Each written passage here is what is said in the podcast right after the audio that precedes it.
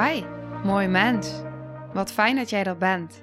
Mijn naam is Sandy en ik geloof in een wereld waarin iedereen zijn liefdevolle zelf mag zijn. In deze podcast praten we openlijk over alle struggles die je tegenkomt op het moment dat je tegen jezelf aanloopt.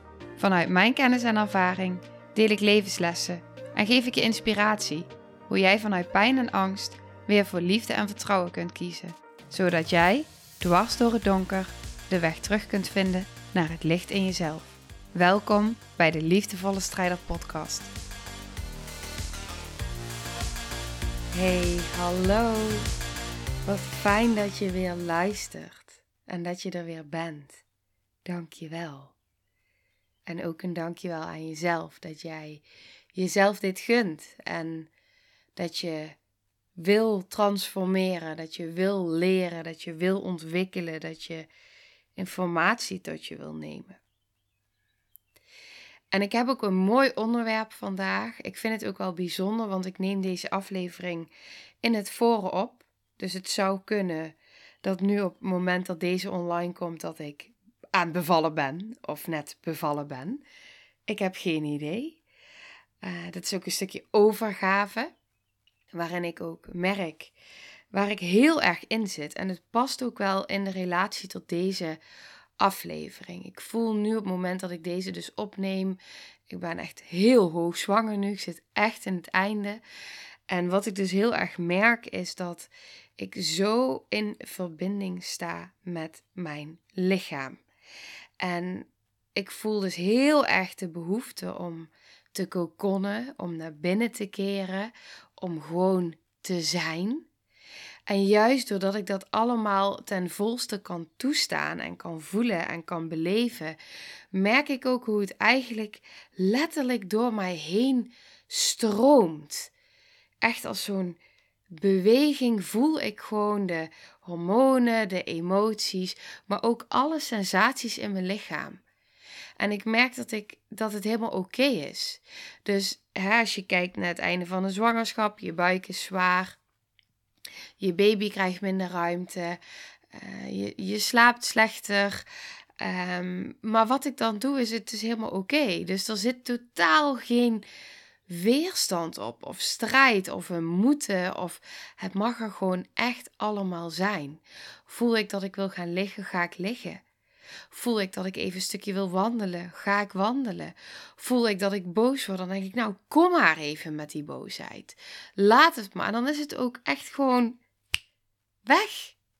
Het stroomt door me heen. En dat is ook eigenlijk wat emotie betekent.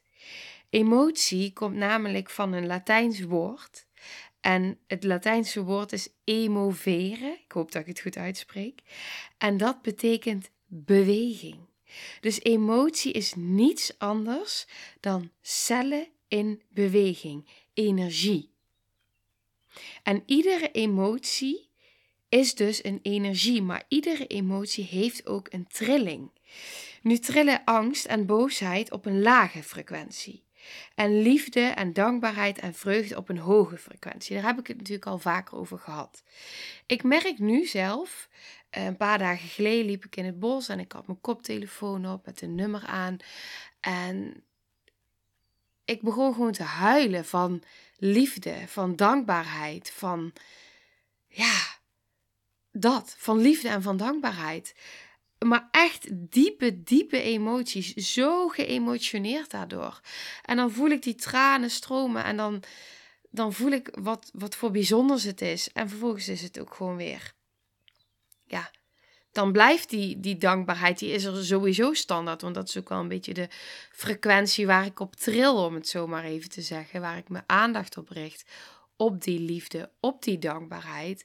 Maar op het moment dat ik dan dus zo'n lagere trilling door me heen voel als een angst of een boosheid, dan mag die er ook gewoon even zijn. Dus ik ga niet in de weerstand. Ik weet niet hoe dat bij jou is.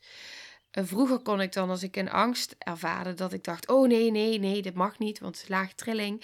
En uh, jawel, gewoon het echt het toestaan. Het toestaan dat het oké is dat het er even mag zijn. En waar ik het vandaag met je over wil gaan hebben, is dus ook die lichamelijke klachten die dus eigenlijk ontstaan door het niet gevoelde emotionele pijn. Door de niet gevoelde emotionele pijn. Dus die relatie tussen die lichamelijke klachten en die emoties. Want eigenlijk, ik voel het nu ook, ik heb heel lang niet die verbinding gehad met mijn lichaam. Dus mijn lichaam schreeuwde. schreeuwde echt zoveel pijn. En wat deed ik? Ik luisterde niet. Pijnstillers, zalf en doorgaan. Niet klagen, volhouden, niet aanstellen, doorgaan. En nu hoeft mijn lichaam maar te fluisteren. Echt waar, hij hoeft maar te fluisteren en ik hoor het. Ik voel het. Ik sta toe. Het mag helemaal zijn. En ik weet niet hoe dat bij jou is. Maar op het moment dat jij dus niet luistert naar dat gefluister van je lichaam en jouw lichaam gaat op een gegeven moment schreeuwen en je luistert dan nog niet. Wat er eigenlijk gebeurt is alles wat we ooit, dus ook in je kindertijd, ook in je babytijd, alles wat we ooit niet hebben kunnen of durven voelen, wordt vastgezet in je lichaam. Tot het moment dat je wel in staat bent om het te voelen. En wat er dus gebeurt is, misschien herken je het ook wel, dat je op een gegeven moment gaat voelen dat je bepaalde emotionele klachten gaat krijgen, psychische klachten. Eigenlijk geeft je lichaam daar al allerlei signalen. Misschien ervaar je verdriet of boosheid of voel je een je voel je gewoon ongelukkig. Voel je een leegte. Wil je die gaan opvullen? Wil je gaan vermijden? Op een gegeven moment, als jij maar door blijft gaan, dan komt er een moment waarop er lichamelijke klachten gaan ontstaan. Uiteindelijk gaat jouw lichaam steeds harder tegen jou schreeuwen. Net zolang totdat jij luistert. Bij mij was dat het punt, na een aantal auto-ongelukken en met name het laatste ongeluk, toen ging ik ook nog steeds door om maar, ja, je, wil niet zomaar opgeven. ik had een baan en ik had een sociaal leven en ik had van alles. Op een gegeven moment komt, je, komt er een punt dat je er gewoon echt niet meer omheen kwam. En ja, ik ben op dat punt gekomen. Eigenlijk, en dat is iets wat ik toen niet zag en ook nog nooit had geleerd of gehoord of begrepen of wat dan ook. Dat is allemaal daarna gekomen. In principe is dit dus gewoon, gewoon tussen haakjes, vastgezette energie. Vastgezette energie. Die dus weer kan gaan stromen, die weer kan gaan bewegen. En dat is dus het goede nieuws. En het mooie is dus wat je lichaam dus doet, die zet het vast totdat jij in staat bent om er wel naartoe te gaan. Dus op het moment dat jouw lichaam gaat ingrijpen, en misschien doet jouw lichaam dat al, betekent het niet dat het ineens te laat is of dat het niet meer omgekeerd kan worden. Dat is wat ik ook heel lang heb gedacht, wat ook tegen mij werd verteld. Maar dat is niet zo. Dus het lichaam kan jou stilzetten. En wat ik dus heel erg mooi vind, um, als, je nu, als je dit voor het eerst hoort misschien, of misschien volg je me al langer en heb je hier wel vaker dingen in gehoord. Wat ik dus hierin mooi vind, is dat we het eigenlijk zelf al heel vaak benoemen. Onbewust misschien, maar we hebben zoveel uitspraken waarin we al heel vaak dit soort dingen benoemen. Hoe dus het lichaam emoties uh, uit door middel van klachten. Misschien komt er al eentje in je op. Ik wil je even zelf laten nadenken. Je kan me zelfs op pauze zetten als je wil, maar denk eens even na of dat er al iets in je opkomt van een gezegde, een spreekwoord, waarbij die emotie in relatie staat tot een fysieke klacht. Oké, misschien heb je me pauze gezet, misschien niet. Ehm, ik heb een paar voorbeelden. Bijvoorbeeld, ik voel een steen op mijn maag. Ik heb last van een gebroken hart Ik heb een gebroken hart.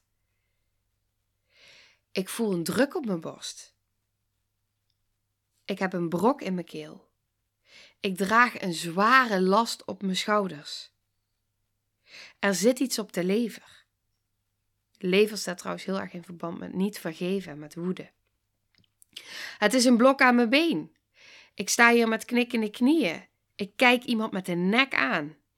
Ik word op mijn tenen getrapt. Ik heb het op de heupen. Ik loop op mijn tandvlees. Ik zit met mijn handen in het haar.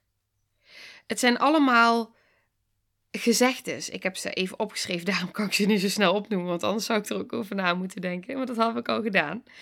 Maar je lichaam heeft dus eigenlijk een soort van uitlaatklep nodig. Ontspanning is een uitlaatklep. Praten over je emoties is een uitlaatklep. Vergeven. Dus niet dat vasthouden, maar echt vergeven. Het doorvoelen, voelen. Lichaamswerk. Het zijn allemaal manieren om die emoties los te laten. De vraag is: doe je dat? Of loop jij nog uh, met, met, met woede? Heb je iemand nog niet kunnen vergeven? Misschien denk je wel dat je diegene nooit kan vergeven. Dat het onvergeeflijk is wat diegene heeft gedaan.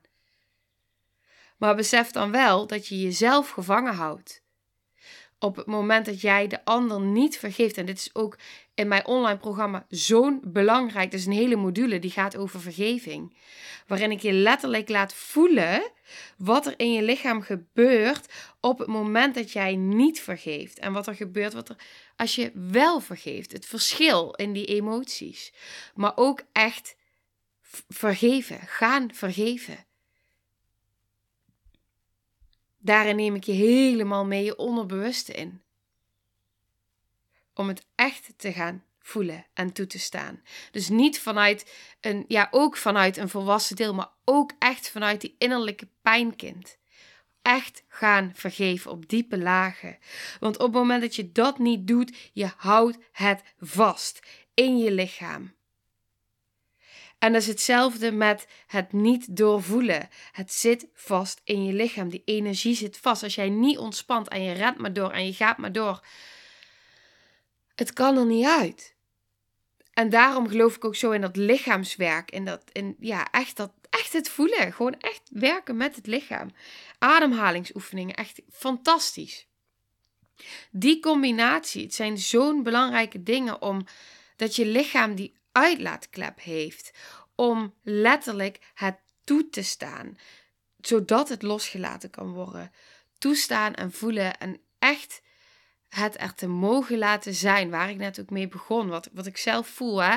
Er gaan zoveel hormonen door je heen op het moment dat je, dat je zwanger bent. En er gebeurt zoveel in je lichaam. Er wordt van alles geraakt en van alles gevoeld. En juist door het gewoon te laten zijn, te laten stromen en er niet van weg te bewegen of te verdoven of te vermijden, maar het echt te ontvangen. Dan kan het stromen. En dat is dus ook op het moment dat jij dus echt gaat kijken van die, die organen, zeg maar, die organen wat ik net al benoemde, hè, van uh, woede bijvoorbeeld, zit in je lever.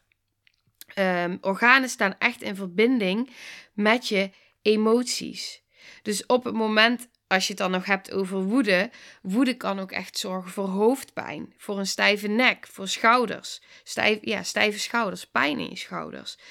Ehm, ik heb wel eens gehad in een sessie dat ik dus inderdaad echt uh, bij iemand op een bepaald punt drukte in het lichaam. Uh, een meridiaan, een, vanuit een soort uh, ja, emotiepressuur heet het. Maar dat je dus op een punt drukt bij iemand in het lichaam waar iemand pijn heeft. En dat daar zo'n diepe emoties vervolgens omhoog komen die daar nog vastzaten. Dat is zo bijzonder om te zien dat het lichaam dan dus op het moment dat jij er dus echt met je aandacht naartoe gaat. En dat kan iedereen. En er echt verbinding mee durft te maken en het aan gaat kijken, het erkent, het herkent. Dan kun je het doorvoelen, dan kan het stromen en dan kan het vrijkomen. Als jij het dan hebt bijvoorbeeld over ja, verdriet. Ik weet dat verdriet bijvoorbeeld in je longen zit. Ehm, als jij continu piekert en je zorgen maakt, zit in je maag. Ik zal daar ook nog wel even op ingaan. Uh, waardoor dat je je ook slecht gaat concentreren. Ik weet dat ik had vroeger zelf bijvoorbeeld heel veel blaasontstekingen. Nou, blaasontsteking staat heel erg in relatie met angst. Niet zwanger kunnen worden staat heel erg in relatie met angst. Dus zo staat er van alles in verband met elkaar.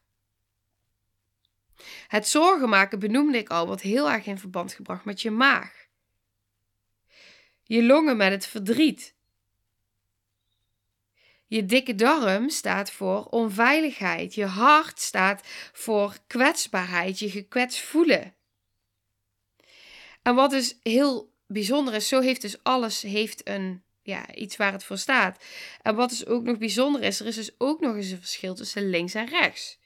Dus heb jij bijvoorbeeld altijd rechtspijn of heb je linkspijn? Dat staat weer in relatie met een van je ouders. Links is echt je gevoelskant in je lichaam dan. Het is je rechterbrein en het is je linker, ja, die stuurt je linker lichaamshelft aan, zeg maar. En dat staat heel erg in verband met je gevoel. Terwijl je rechterkant van je lichaam is echt weer, zeg maar, die mannelijke kant, die rationele kant, die denkkant. En zo staan dus ook jouw lichaamsdelen staan ergens voor. En ik ga echt niet je, het hele lichaam af, want dan zijn we wel even bezig. Maar ik kan er wel een paar opnoemen. Gewoon het principe hoe het dus werkt in je lichaam. Hoe het lichaam vertelt. Want dat is wat het doet. Het lichaam vertelt. De vraag is alleen, luister jij? Kun jij luisteren? Durf je te luisteren? Als je het hebt over klachten bij je armen, dan hebben die echt te maken met een onvermogen om te omarmen. Geblokkeerd zijn, onvoldoende vertrouwen in je eigen kunnen, in je eigen mogelijkheden. Het kan ook een onvermogen betekenen om, om niet te durven geven of te ontvangen.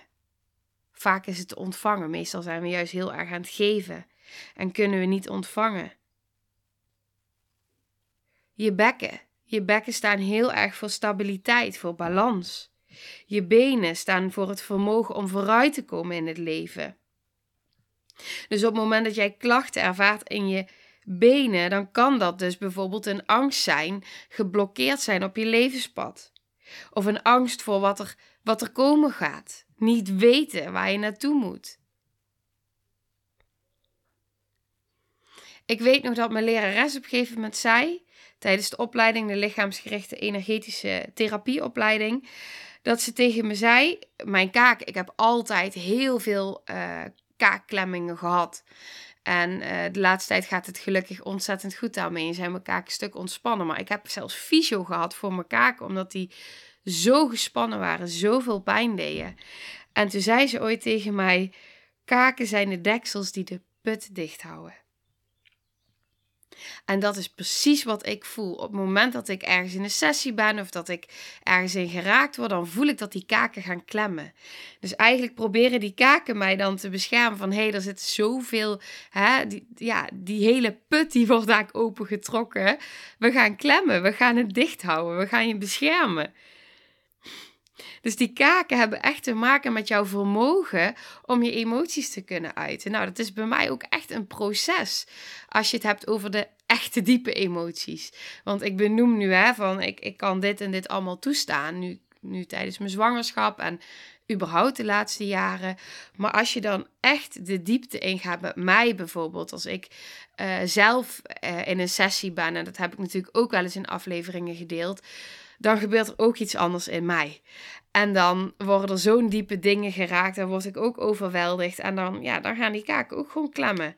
En dan gaat mijn lichaam ook gewoon uh, dissociëren en reageren. En ja, mij willen beschermen op allerlei mogelijke manieren. Dan wordt alles in mijn lijf gespannen en gaat alles, alles, alles gaat reageren. En ik kan er nu steeds meer waarnemen en voelen. En dat is zo bijzonder aan dat lichaamsbewustzijn. Dat op het moment dat hoe bewuster je gaat worden van je lichaam, hoe meer je in je lichaam komt, hoe meer je ook gaat voelen wat je lichaam doet. Wat je lichaam allemaal aan je vertelt. Om jou ja, om jou te dienen. Het is allemaal om jou te dienen. En dat is ook zo'n mindset shift. Van in plaats van jeetje, in die weerstand en mijn lichaam doet dit en ik wil dit niet en het mag er niet zijn. Maar echt kunnen gaan zien en voelen dat jouw lichaam jou dient. En dat juist door er verbinding mee te gaan maken en te gaan luisteren, te erkennen, te doorvoelen, dat je lichaam zoveel gaat vertellen dat het gewoon mag zijn, dat het mag stromen. En dat je dus ook echt op die, ja, die, die diepere stukken van jezelf kan komen. Misschien, ik, ik merk het heel vaak in sessies en misschien herken je deze ook wel. Hè, dat op het moment dat je bijvoorbeeld, dat, dat ik, zo komt nu. Dit is heel bijzonder dit. We hebben het erover. En ik merk gewoon dat ik bijna ga stotteren en dat ik niet uit mijn woorden kom. En wat ik wil benoemen is dus je keel. Dat je keel dus echt in verband staat. zo grappig. Uh, met jezelf niet durven uitspreken. Niet durven opkomen voor jezelf. En ik, ik zie het ook zo vaak in sessies gebeuren, maar ik herken het ook zo bij mezelf. Dat op het moment dat het kwetsbaar wordt of zo, dat je stem verandert. Er zijn echt, ik heb zoveel voorbeelden gezien van mensen waarbij echt inderdaad de intonatie en de hele houding ook sowieso iemands hele zijn verandert op het moment dat jij ergens in geraakt wordt. Maar dat je, ja, dat je stem gewoon verandert of dat je hees wordt. Of, ja, dat je. Ik, ik kreeg het bijvoorbeeld letterlijk niet over mijn lippen. Dan had ik een bepaalde. iets wat ik wilde delen. of waar ik me kwetsbaar over voelde. of iets wat ik wilde uitspreken. En dan kreeg ik het gewoon niet gezegd. Dus uiteindelijk ben ik gewoon gaan schrijven en gaan uh, dingen in mijn telefoon gaan zetten. Misschien herken je dit ook wel van jezelf. Maar zo is er dus voor alles iets, vanaf je hoofd tot aan je tenen. Het heeft allemaal een verband. En dat is dus heel erg interessant. Dat op het moment dat jij dus dat weet, en je hebt ook echt een heel mooi boek daarover, De Sleutel tot Zelfbevrijding, uh, waarin dus ook al die, um, ja, al die klachten en die diepere betekenis daarachter ligt uitgelegd. Ik zal even meteen opzoeken. Ik zet hem heel even op pauze om op te zoeken van wie dat boek is. Lang leven Google uh, van Christine Beerland. maar goed, dus dat boek, zeg maar, daar staat dus ook al heel veel. Ik, ik moet wel zeggen dat ik het af en toe wel ingewikkeld beschreven vind. Uh, ik gebruik hem ook zelf. Maar daar staat al heel veel in. En het is gewoon heel erg interessant als jij bijvoorbeeld hè, kijkt naar een specifieke klacht. Als je het bijvoorbeeld hebt over migraine, dat is wel een klacht die veel mensen herkennen. Dan ligt daar dus onder um, en misschien herken je het wel, mocht je ooit migraine hebben gehad, dat je altijd bezig bent met voldoen, met presteren, met piekeren of je het wel goed doet. En onder, onderliggend ligt daar dan een verlangen naar rust. Maar omdat je zo het gevoel hebt dat je aan die eisen moet voldoen, lukt het niet om die innerlijke rust te vinden. En dus krijg je migraine. En zo hebben dus al die, ja, al die specifieke klachten ook weer een verwijzing. Het is echt ongelooflijk veel. En ik hoop eigenlijk dat ik je nu een beetje met deze aflevering heb mogen laten. Ja, ja mogen meenemen in, uh, ja, in dat wat het lichaam dus uh, ook qua fysieke klachten en qua organen vertelt. Dus hoe mooi is die? Hoe mooi is het als jij het op een andere manier, misschien doe je dat wel al, maar misschien dus ook nog niet, dat je er op een andere manier naar kan gaan kijken. Dus niet dat het tegen je werkt, maar dat het voor je werkt. En ik geloof dat dit met alles in het leven zo is. En dat heb ik vroeger nooit zo geloofd. Maar nu geloof ik dat en voel ik dat en vertrouw ik dat. En is het echt gewoon een weten geworden. En het begon bij een hoop. En dat werd een geloof. En nu is het echt een weten. Een weten dat, dat zowel je lichaam als het leven voor jou werkt. En op het moment dat je daarin kan stappen, en misschien sta je nu nog op het punt dat je in die weerstand zit, en dan is een eerste stap is het, ja, het hopen, het, het willen gaan geloven dat het zo is. Want het is aan jou, maar uiteindelijk verandert het alles. Het heeft in mij zo ontzettend veel acceptatie en rust en vertrouwen gegeven, wetende dat het altijd dienend is. Dat je lichaam altijd dienend is. Dat het leven je altijd dienend is. En dat we onderdeel zijn van een groter geheel. Ik weet nog dat ik in het begin, toen ik de affirmaties uitsprak van uh, ik vertrouw op mijn lichaam. En het is wat het is. En ik vertrouw erop dat alles op het juiste moment gebeurt. Ik vertrouw erop dat ik geleid word. Ik vertrouw erop dat er iets groters is dan mij. Ik vertrouw erop dat ik verbonden ben. Ik vertrouw erop dat alles komt op het juiste moment. Ik vertrouw erop dat er komt wat ik aan kan. En in het begin sprak ik die zinnen uit en was het echt, wat ik al zei, echt een stukje hoop. Een hoop dat ik het kon gaan geloven. En zat ik nog in die weerstand, maar door iedere dag, iedere keer weer die focus te leggen op wel dat vertrouwen, wel het leven vanuit liefde en niet in die weerstand, niet in die angst, maar echt het vertrouwen op dat mijn lichaam het leven. De kat springt hier naast mij op, de, op het bureau, maar dat het voor je werkt. En dat, dat die overgave daarin, dat vertrouwen daarin, dat maakte dat voor mij echt alles veranderde en dat ik ook echt me kon gaan ja, aan overgeven aan dat wat is. En dat ik echt kon gaan voelen, en ik voel het steeds meer, ik weet het steeds meer, dat we echt geleid worden. En het enige wat jij hoeft te doen, het enige wat daarin echt het werk is voor jezelf, is steeds weer in dat vertrouwen stappen en steeds weer te luisteren naar dat wat jouw lichaam vertelt. En steeds weer terug naar jezelf komen om in verbinding te zijn met wie jij bent, om in verbinding te zijn met je lichaam, om het toe te staan. Erkennen, herkennen, doorvoelen, toestaan. En jezelf ook die vraag te stellen. Van oké, maar wat wil ik nu? Wat wil ik voelen? Wie wil ik zijn?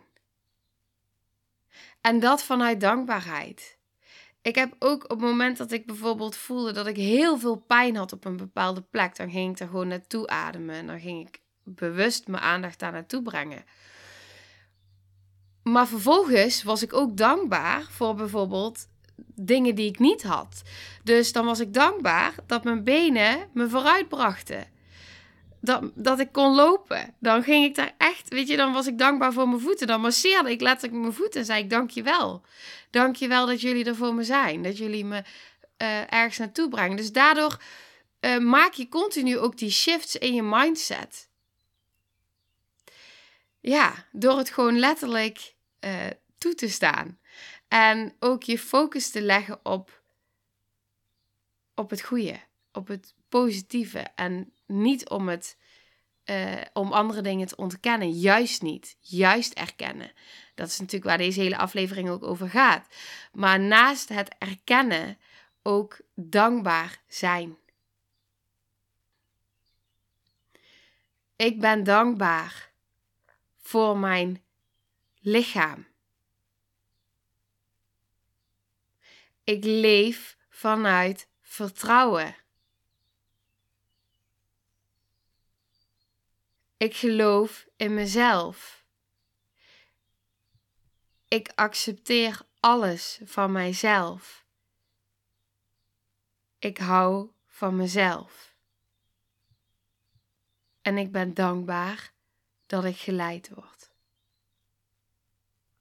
En hoe zou het voelen als je die kunt geloven.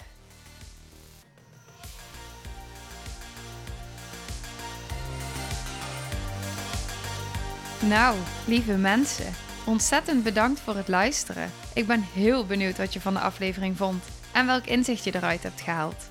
Mocht je nog vragen hebben of is er een onderwerp waar je meer over wilt weten, laat het me dan weten. En wie weet neem ik het mee in een van de volgende afleveringen. Als je het leuk vindt, kun je de aflevering delen of maak een screenshot en tag me op Instagram. want ik vind het echt super tof om te zien wie er luistert. De link van mijn Instagram staat in de beschrijving bij de podcast. En wil je blijvend geïnspireerd worden? Klik dan op abonneer of volgen in de podcast-app waarmee je luistert. Dat zouden ik en alle toekomstige luisteraars enorm waarderen, want dat zorgt er namelijk voor dat de podcast beter gevonden wordt. Nogmaals, dankjewel voor het luisteren en heel graag tot de volgende aflevering.